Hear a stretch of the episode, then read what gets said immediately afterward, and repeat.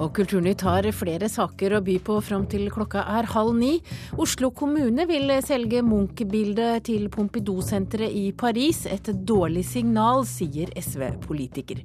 Flere norske byer vil bruke verneverdige bygg til næringsvirksomhet, for byantikvar frykter at de ellers bare vil forfalle.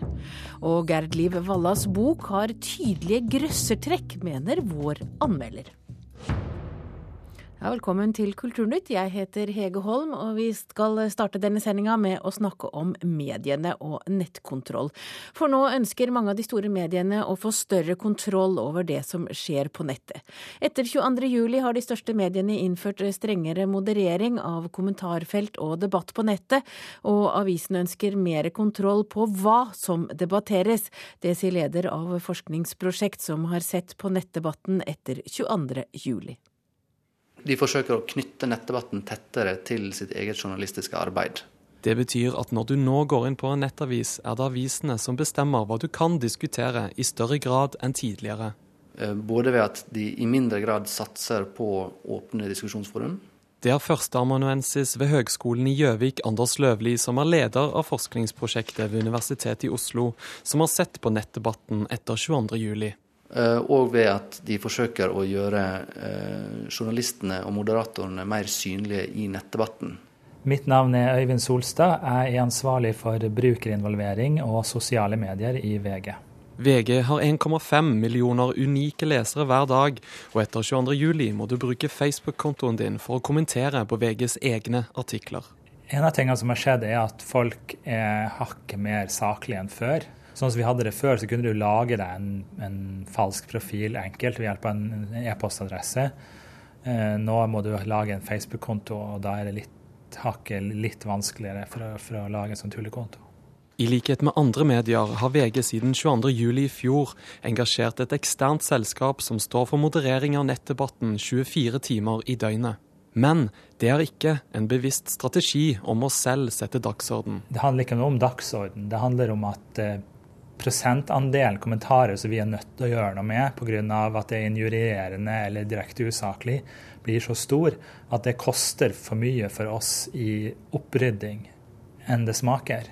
Ved Universitetet i Bergen sitter professor ved Institutt for informasjons- og medievitenskap, Dag Elgesem. Jeg leder også et eh, forskningsprosjekt eh, om eh, nettdebatten etter 22.07. Og jeg syns nok ikke at det er lurt å heve den grensen og, og eh, refusere flere innlegg. Jeg syns man mer skulle se på tiltak for oss å heve kvaliteten og prøve å stimulere motivasjonen til å bidra med, med saklige innlegg eh, i debatten.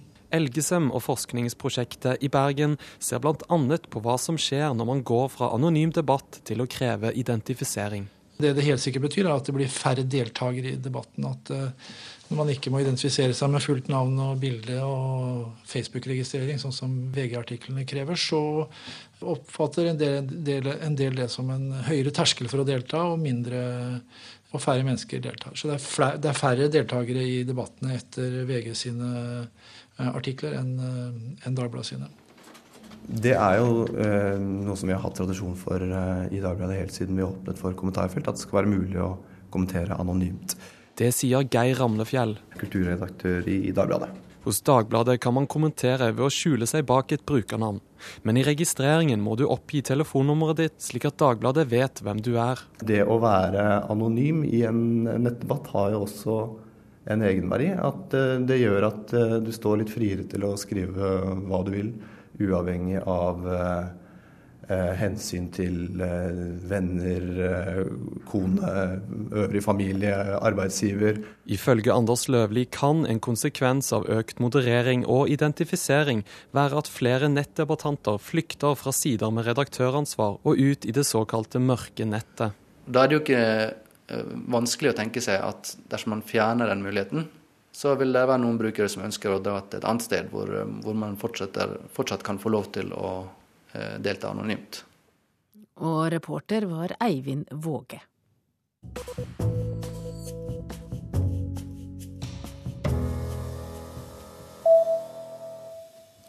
Regjeringen er langt unna målet om 40% kvinnelige regissører i norsk fiksjonsfilm. En ny rapport om mangfoldet i norsk film- og TV-drama viser at flere grupper er underrepresentert i norsk film. I dag leverer arbeidsgruppen bak rapporten, ledet av regissør Nina Grünfeldt, resultatene til kulturminister Hadia Tajik. Det eh, denne rapporten først og fremst handler om, det er å vurdere hvilke stemmer er det som i dag ikke blir hørt, hvilke historier er det som ikke kommer fram, og hvordan skal man få til det. Så jeg er nysgjerrig på hvordan eh, en bredt eh, sammensatt gruppe som dette har diskutert omkring det, og hva de anbefaler meg som kulturminister å gjøre. Det blir mindre glitter og stas i Eurovision Song Contest neste år. Finalen i Malmö vil koste mindre for arrangørene enn tidligere års finaler, for nå skal nemlig fokuset tilbake på artistene, og ikke på overdådige storskjermer og grafikk. Det skriver Aftenposten. Svenskenes Eurovision-general Martin Østerdal sier til avisen at hvis de hadde lagt seg på samme nivå som Moskva i 2009 eller Baku i år, måtte Sveriges Televisjon lagt ned mange mange programmer.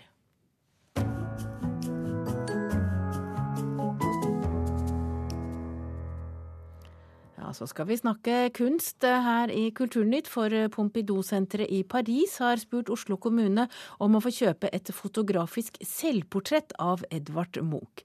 Byrådet har åpnet for å selge fotografiet, og inntektene skal gå til et formidlingsprosjekt på Ekely. Og det liker ikke byrådspolitiker for SV Ivar Johansen. Hvorfor det? Tar man imot en testamentarisk gave så her, så må man ta hensyn til hva den som ga gaven, faktisk ønsket seg. Og han ønsket å gi dette til Oslo kommune som en samlet ett sted. Det skulle være samlet ett sted. Og da selger man ikke ut dette rundt omkring i verden. Men Johansen, det å få et tilbud fra Pompidou-senteret i Paris, er da litt spesielt? Eh, ja, og det kan man løse innenfor arvens eh, tenkning ved å gi en langsiktig utleie, f.eks. Eller deponere det der på langsiktig vis. Øystein Sundelin, du er leder i kulturkomiteen i bystyret, og du sitter for Oslo Høyre.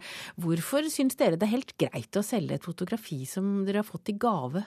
For dette er en eh, forvaltning av Munchs kunst. Det man gjør med, med dette grepet Pleier du å gi bort eh, gaver du har fått, eller selge gaver du har fått? Og det gjør vi definitivt ikke med Munchs arv. Dette er et eh, fotografi som det fins fem kopier av som Munch laget. Og Oslo kommune har alle fem og man velger nå å plassere ut ett til Pompidou.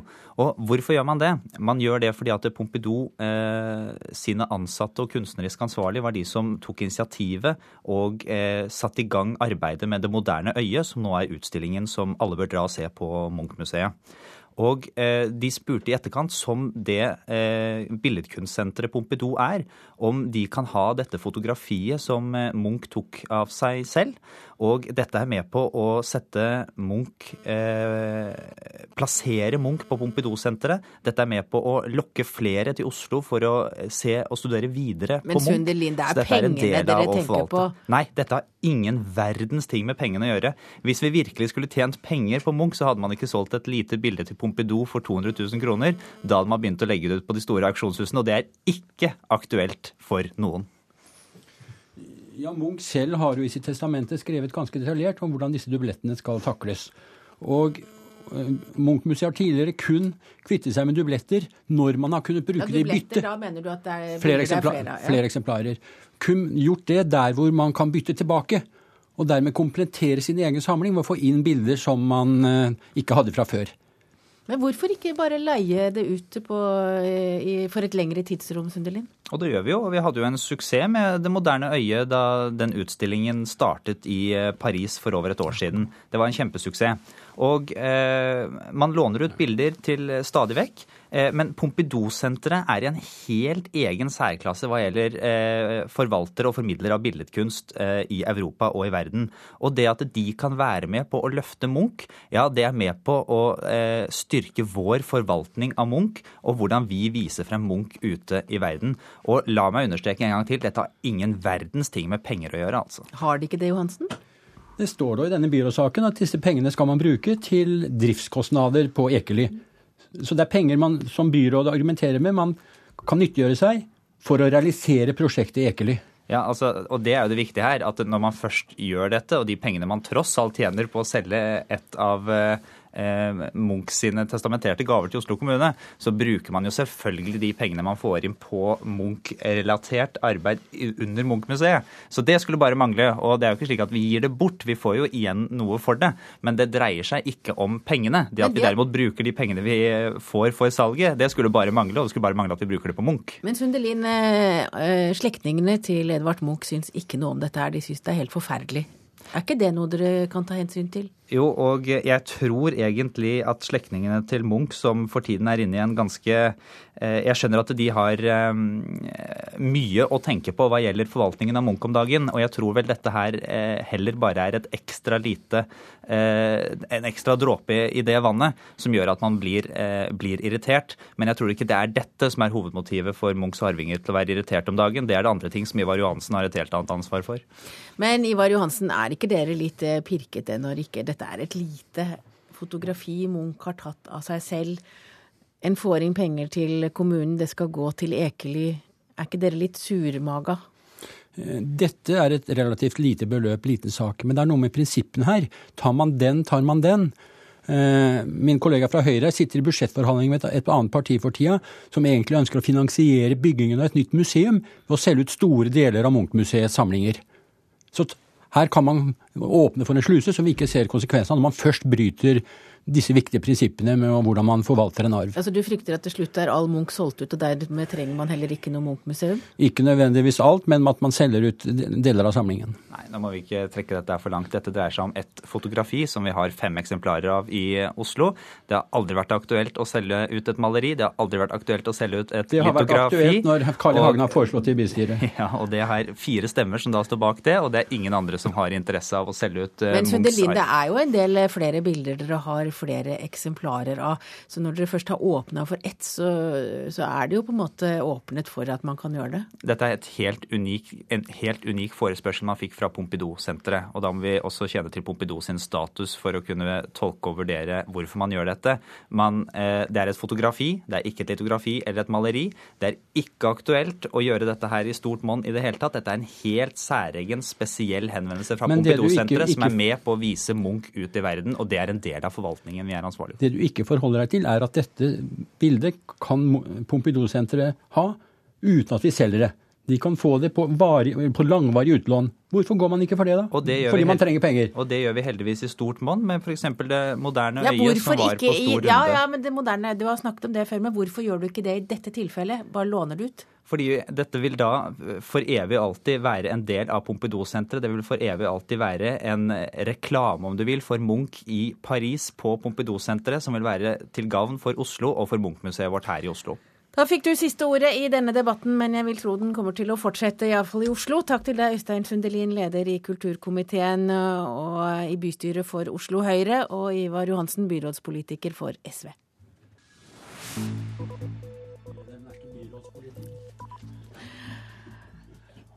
Det var, eh, det var, debatten. Nå fortsetter P2s Nyhetsmorgen, og dette er hovedsaker akkurat nå. Angrepene mot Gaza fortsetter, ingen avtale om våpenhvile. Seier til opposisjonen kan gjøre Stortinget mer flerkulturelt, og Gerd Liv Wallas bok har tydelige grøssertrekk. Det mener vår anmelder. Flere norske byer jobber med å finne andre bruksområder til verneverdige bygg uten at det mister særpreget. I Trondheim skal en ny kulturminneplan vedtas, og Byantikvaren ønsker å bruke de gamle verneverdige byggene til ny næringsvirksomhet.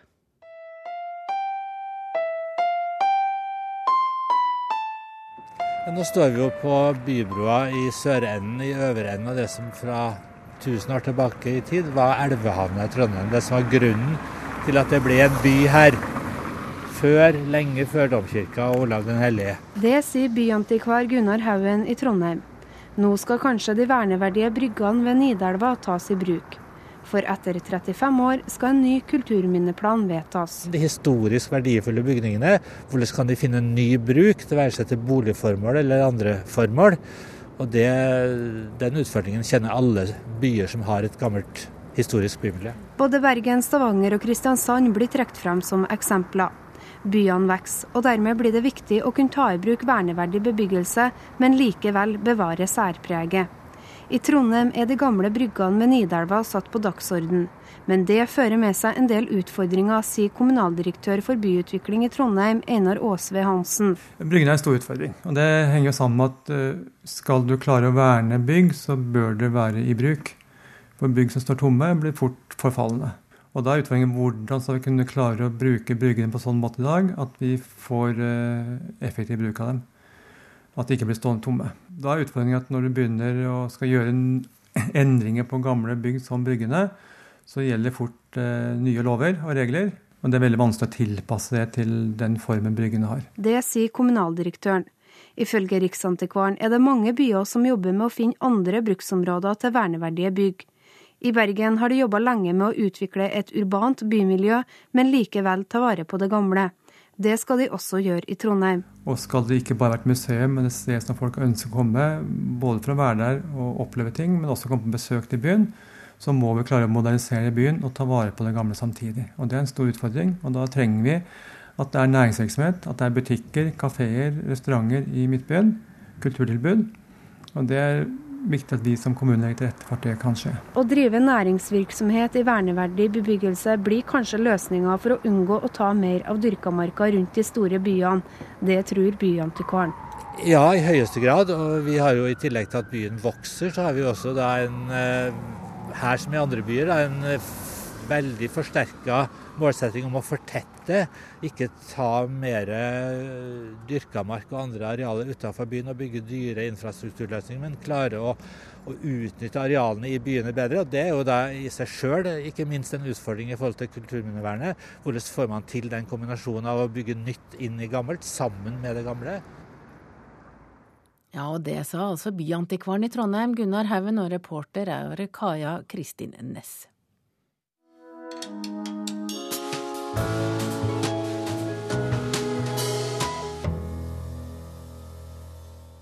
Arbeiderpartiet er stor. Arbeiderpartiet eh, består av flere fraksjoner. Jeg er medlem av Arbeiderpartiet, men jeg eh, ønsker et Arbeiderparti som er tydeligere eh, til venstre enn det mainstream i Arbeiderpartiet.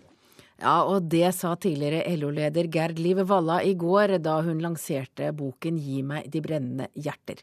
Det er den andre boken Valla gir ut, eh, som også handler om eh, det som skjedde da hun måtte gå som LO-leder. Og Arnhild Skred, du har lest Vallas selvbiografi. Hva er det denne boken handler om? Denne boka er et forsøk, i hvert fall framstående som det, på å si at disse to månedene er bare to måneder av de over 700 hun faktisk har levd i sitt liv. Og så vil hun fortelle om resten av dette livet. Og hun begynner da med barndommen i Nordland på en gård langs kysten, og det er en veldig fin skildring. Og så kommer hun da inn i, blir student og, som den første i familien og blir, kommer inn i politikken og blir tatt av den. Og så er det altså om disse 17 åra, da. På toppen i norsk politikk fra hun blir kalla til Gro og statsministerens kontor i, i 1990. Um, så kommer jo selvfølgelig dette fallet 9.3.2007 som det store dramatiske høydepunktet. Og så er det en men hun gir seg jo ikke. Hun er jo på veien igjen. Hun er jo rundt og holder foredrag og holder 1. mai-taler og tilegner boka til ungdommen og framtida, som hun skriver. Men du sier eh, at den har eh, grøssertrekk?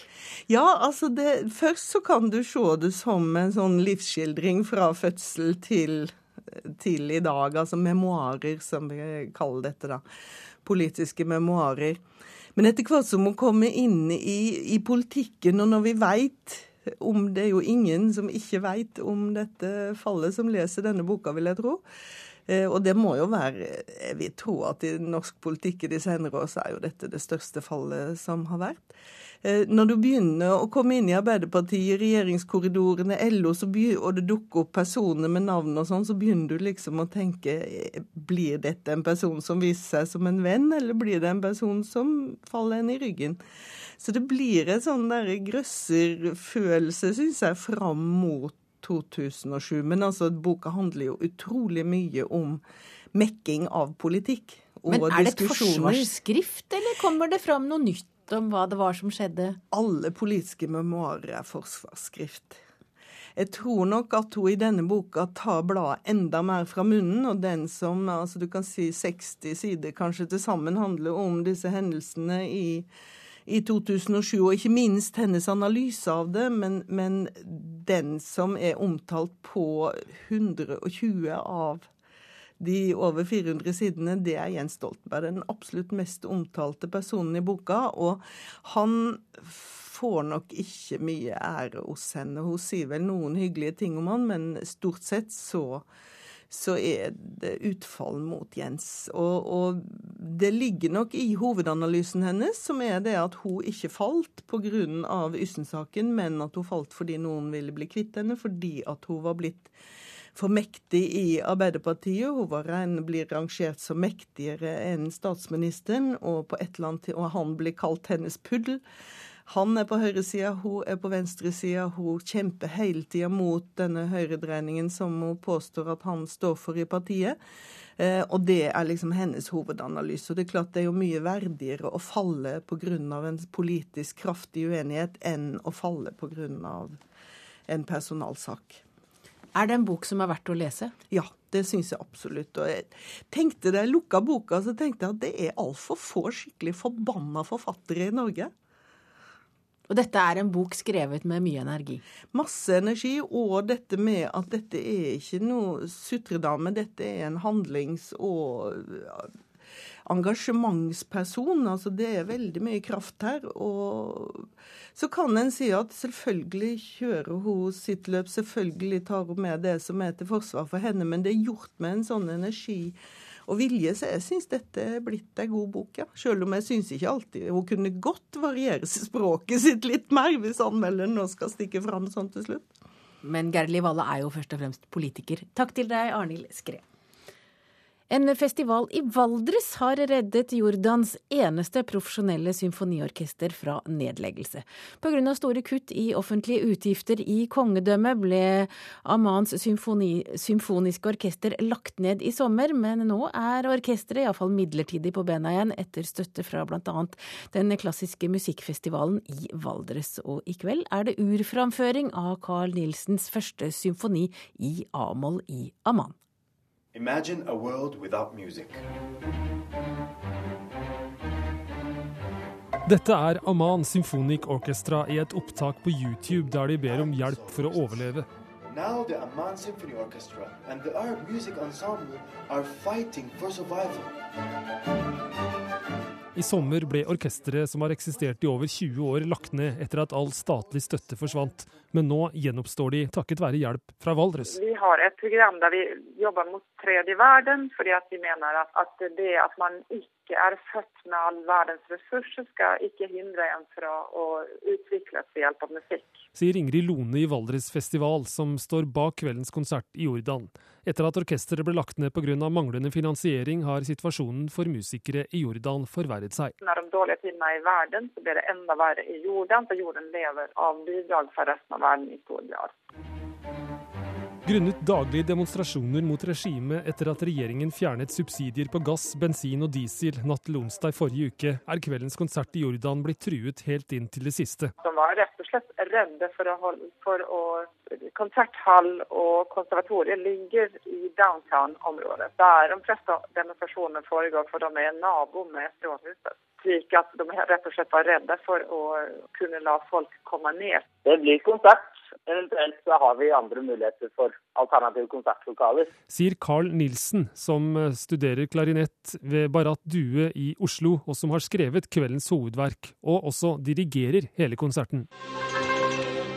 Han sier det er mange grunner for at kveldens konsert bør gjennomføres. Først og fremst så er det jo det at det er et orkester her nede, selv om det ikke liksom formelt eksisterer. Altså, De har jo samlet troppene igjen, og det er jo en spilleglede her. Altså, Musikk er jo universalt stoff som skaper forståelse for folk fra forskjellige land. Derfor føles det viktig å gjøre konserten for oss. da. Og reporter var Stein S. Eide. Hilde Tosterud, Halvor Haugen og Hege Holm takker for seg. Nå fortsetter P2s Nyhetsmorgen med Øystein Heggen i studio.